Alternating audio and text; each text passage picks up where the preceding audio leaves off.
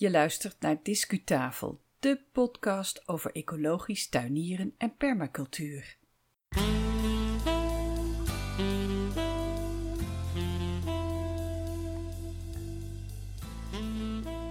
Hey hoi, welkom bij de 56e aflevering van Discutafel podcast. Vandaag is het 26 september 2019. Mijn naam is Yvonne Smit en ik ben je presentator. Vandaag het tweede en laatste deel van onze wandeling door de Naturentuin in Goorle, Noord-Brabant. Het eerste deel verscheen in het voorjaar, op 9 eh, mei 2019 eh, om precies te zijn. En die aflevering kan je natuurlijk nog steeds beluisteren via je podcast-app. Maar eerst beginnen we met nieuws over onszelf. Een nieuwtje waar we zelf heel blij mee zijn.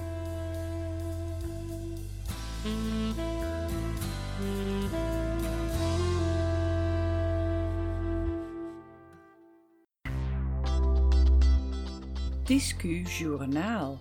En waarom zijn we dan zo blij? Nou, Discutafel mag bijdragen aan de eerstvolgende drie nummers van het Nederlandse tuintijdschrift Gardener's World.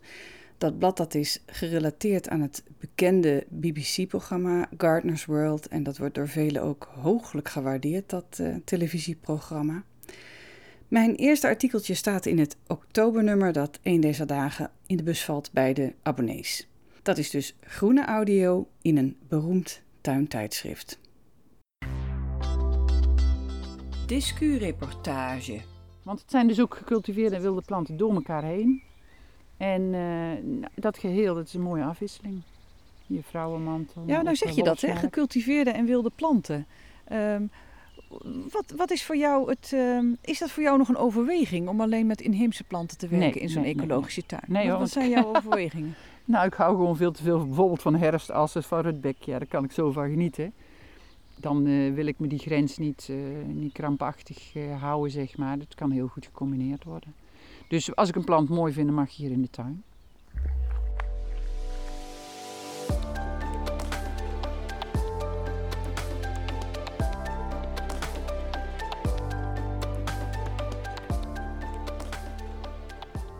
Aan het woord is uh, Anneke Scholten van de ecologische bezoektuin Natuur, Naturentuin bij uh, Goorden. In de eerste aflevering van uh, onze reportage, uitgezonden vanaf mei, afgelopen mei 2019, wandelden we door de rotstuin en we liepen langs de vijver en langs de bessenstruiken. En we hebben toen ook de moestuin verkend met het bijzondere gebruik van handdoeken. Luister maar eens uh, terug naar die aflevering nummer 44 van 9 mei 2019, dan begrijp je wat ik bedoel. Maar nu dan uh, deel 2 van de rondleiding door Anneke. En ze neemt je mee naar de kruidentuin en onder een pergola door. We staan ook even stil bij de uh, heuvel met droogteminnende planten en bij een kampeerplek van een wel heel bijzondere zomergast verder kijken. Dat is goed. Kijk, hier komen we eigenlijk, uh, dat is een klein doodlopend stukje, maar wel een belangrijk stukje, met name in de zomer. Want uh, hier komen we over een doodlopende sloot. Dat is in de winter staat hij helemaal Een bruggetje, ja. En uh, dan uh, komen we eigenlijk in een, wat oorspronkelijk de ingang was. Dat is nu niet meer zo. Nu is het eigenlijk de, de achterkant van de tuin. Een beetje een wild stukje, maar juist hier komt in de zomer een kabouter kamperen. Zo? Ja, we hebben hier een begeving een boskabouter. En die, die wil ook wel eens op vakantie. En dan wil hij dan hier in de tuin komen doen. Echt waar? Ja, met zijn tentje. Dus die komt hier zitten. Wauw. En dan is het wel zo dat hij heel vaak gaat fietsen als de kinderen komen. Dat is wel jammer. Ja, dat is sunt. Vinden de kinderen heel vervelend. Maar gelukkig heeft hij een speurtocht uitgezet. En dat gaat dan altijd over een dier hier in de omgeving. Dus uh, vorig jaar was dat de specht, het jaar daarvoor de eekhoorn. En dan ze komen langs het tentje en daar hebben we er ook een hutje bij gemaakt. Dus uh, zo doen we elk jaar iets iets extra's. Dus dit is echt het veldje waar de kabouter dan zijn... Uh... Ja, kampeerplek. Zo hé. Ja. Heel leuk, met een waslijntje. En vorig jaar hadden we ook een kaboutermuseumpje. En de kinderen die schrijven hem dan ook briefjes en tekeningen. Dus uh, is altijd een drukte van belang. Elk en, jaar en gaat, hij, gaat hij een beetje netjes om met de tuin hier? Ja, heel goed. Heel okay. goed. Ja, ik zie nooit sporen of zo. Dus hij is een beetje de beschermheer. Het is een echte natuurvriend. Ja, ja, ja. ja, zeker. Ja. Nou, dan gaan wij weer weg bij dit campingje vandaan. Ja, precies. Eens even kijken. Nou, dan lopen we hier gewoon verder het rondje rond. Ja. Over het Eh, paadje. ja. Langs de En dat bloesem. zijn zo allemaal verschillende hoekjes en daar moet allemaal ook nog veel gebeuren, want het is in april en mei als een heel drukke maand natuurlijk. Eh, Jij wil is de hierin? kruidentuin, ja. Ik zie hier, hier, eh, de- stapelmuurtjes. De krui, hier is morgen ook de, de workshop van de geneeskrachtige kruiden. En ehm, eh, hier hebben we gewoon allerlei bedjes. En er staat er heel veel door elkaar. Eh, de wens is ook nog om hier een bord neer te zetten met een aantal kruiden die hier echt voorkomen, waar die mensen niet op het eerste gezicht zien. Want er staat heel veel. Maar mensen weten het niet altijd te herkennen, zeg maar. Ik wil ook niet bij elke plant een bordje, want dan ga je lezend door de tuin en dan beleef je eigenlijk niks meer. Dus daar is nog eventjes een. eh, Het lijkt wel of mensen ook, behalve beleving, ook altijd willen weten wat iets is. Ja, maar het slaat nergens op, want ze gaan de tuin uit, ze zijn het vergeten. Dus als ze echt iets willen weten, kunnen ze me vragen en dan krijgen ze te horen. Maar ik bedoel, eh, wat heeft het voor zin om honderd namen te, te, te lezen? Niet, denk ik. Slecht, want dan kijk je niet meer welke kleur heeft het blad. Oh, het lijkt wel op die. Welke geur heeft het? Daar, daar ben je helemaal niet meer mee bezig. Dus, eh, en daar wil ik wel de mensen ermee Ik bezig zeg zijn. wel eens, ehm, je kunt ook van iets genieten als je niet weet wat het ja, is. zeker. Zelfs Want je ziet de vorm, je kunt het Ja. ruiken, je kunt het Ja. voelen, je kunt het soms proeven. Ja, Ja. zeker. Ja. Nou, een pergola. Want het zijn gewoon allemaal dingetjes dat je denkt van, oh ja, dat is leuk in een tuin, maar hoe doe je zoiets? Nou, dan kun je even kijken hoe je dat hier kan Ja, doen. en, en is ik vind pergola is ook eh, in de hoogte werken. Hè? Ja, precies. Als mensen een wat kleinere tuin hebben. En ergens onderdoor lopen is altijd heel leuk. Of onderdoor kijken, dat geeft ruimte. Het is net even een ander beeld, een andere beleving. Als je eh, over een pad loopt, eventjes onder een dakje en er weer uitkomen is leuk. Nou, en dan hier eh, de compostplek. Ehm, alle materialen uit de tuin, dat vercomposteren we. Eh, gedeeltelijk gewoon onder de planten en gedeeltelijk op een hoop.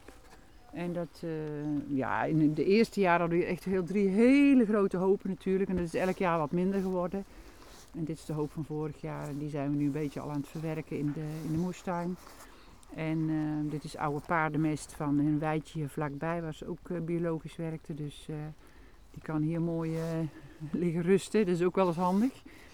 En verder, eh, ja, is ook een leuk plekje waar beesten zitten. Want hier zitten bijvoorbeeld altijd twee of drie hele donkere kikkertjes, de hele zomer lang. Die, die eten hier volgens mij allemaal slakken weg, dus dat vind ik heel fijn. En eh, ergens moet je ook een rommelplek hebben, dus dat is hier. Ja, ik zie hier ook een kast met allerhande voorraad van, eh, van potjes. Ja, we mochten hier niet bouwen ehm, de eerste jaren, ja nog niet eigenlijk. En toen heb ik gekeken in de wet van wat is geen gebouw. Nou, 1,50 hoog is geen gebouw.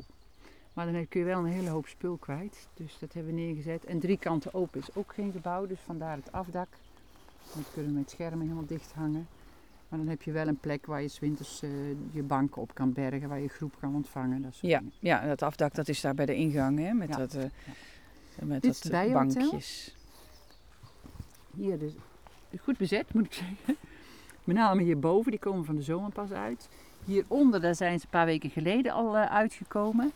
Dat waren de rosse metselbijtjes. Als het dan, kijk, nu is het eh, niet zo warm en het, het regent ook een beetje, dan zie je niks. Maar als hier de zon op schijnt, en zo staat hij ook echt gericht op het zuiden en droog, dan is het hier een drukte van belang. Ja, ja. En hier opzij zit zo'n demonstratiekastje. En dan kun je ook zien wat die bijen dus dan doen in zijn holte. Kijk, ze zijn bezig. Zie je? Ja, ja, ik zie allemaal buisjes, cilindertjes, transparante cilindertjes. En dan zie je dat ze bezig zijn om de nestjes eh, te bouwen. Of de, de, Ja. de- waar ze de eitjes leggen ook. Hè? Dus ze leggen wat stuifmeel, leggen er een eitje in, een muurtje. Weer wat stuifmeel, eitje, muurtje. En zo eh, zes, zeven keer achter elkaar. En eh, het schijnt dat dan in de achterste, dus die ze het eerste leggen, daar zitten de vrouwelijke eitjes. Voorin zitten de mannelijke eitjes. Die komen dus het eerste uit. En die blijven hier in de buurt wachten tot die vrouwtjes uitkomen. En dan is het hoppa, feest. Ja, en nou voor, dus vorige weken met die rosse metselbijtjes, er was hier een vechtpartij gewoon. Die mannetjes waren allemaal al eruit en die kwamen al gauw in die hoortjes kijken, komen die vrouwtjes ook al. Maar dan kwamen ze elkaar tegen in zo'n kokertje en dan was het, uh, huppakee, vechten. Dus het was echt uh, drukte tot en met. Heel leuk om te zien. Je maakt zo de seizoenen mee in zo'n Ja. tuin. Ja, Ja, ja. Ja, de luisteraars horen waarschijnlijk het geritsel van je regenjas, want het is een beetje gaan miezeren van, Ja. vanmiddag. ik heb me wel aangewend om daar zomaar regens aan te doen, want anders ben ik het laatst gewoon door. Dan word je veel te koud. Ja, ja. Hier hebben we een verhoogde berg. Ehm, daar staan allemaal eh, ja, echt eh, planten die heel goed tegen de hitte kunnen. Wij hebben hier dus bijvoorbeeld afgelopen zomer, toen was het hier in de schaduw regelmatig 42 graden. Ehm, wij sproeien hier niet, we hebben geen regeninstallatie, maar dat hoort ook gewoon helemaal niet bij ecologisch tuinieren. De planten moeten gewoon op de goede plek staan. En staan ze dat niet, gaan ze dood. Ehm, maar dan moeten ze gewoon op een andere plek ook wel kunnen staan. En niet op die plek stonden ze dus niet goed. Deze hebben het allemaal overleefd hier. Dan sta je 50 centimeter nog hoger van het grondwater af. In de palle zon een hele dag. En uh, toch hebben die planten op een bepaalde manier allemaal overleefd. Wel uh, lager gegroeid, wel voor de helft afgestorven, want dat regelden ze allemaal zelf. Maar omdat wij grote biodiversiteit hebben, hebben we ook heel veel tweejarigen. Dus bijvoorbeeld uh, malva's, teunisbloemen, papavers. En die hebben een enorme penwortel. Nou, die kwam gewoon aan het grondwater. Dus uh, die hebben gebloeid zonder dat ik ze ook maar iets van water gaf. Bepaalde planten, als ik dacht van, oh ja, nou die gaat dan echt wel dood. Dat vind ik dan ook weer jammer. Die gaf ik dan een gieter water.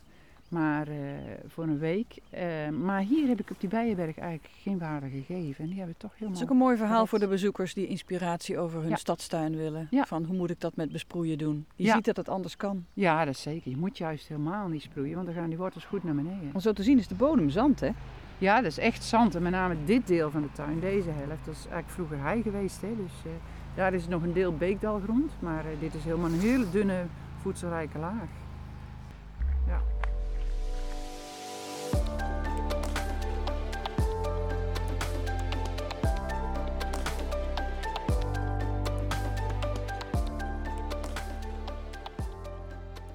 April een bijenplantjesdag. Dus dan, komen de, dan is de landelijke bijendag. Dan komen je mensen van het KNNV bij excursies houden. En tegelijkertijd hebben we hier de plantjesverkoop start dan.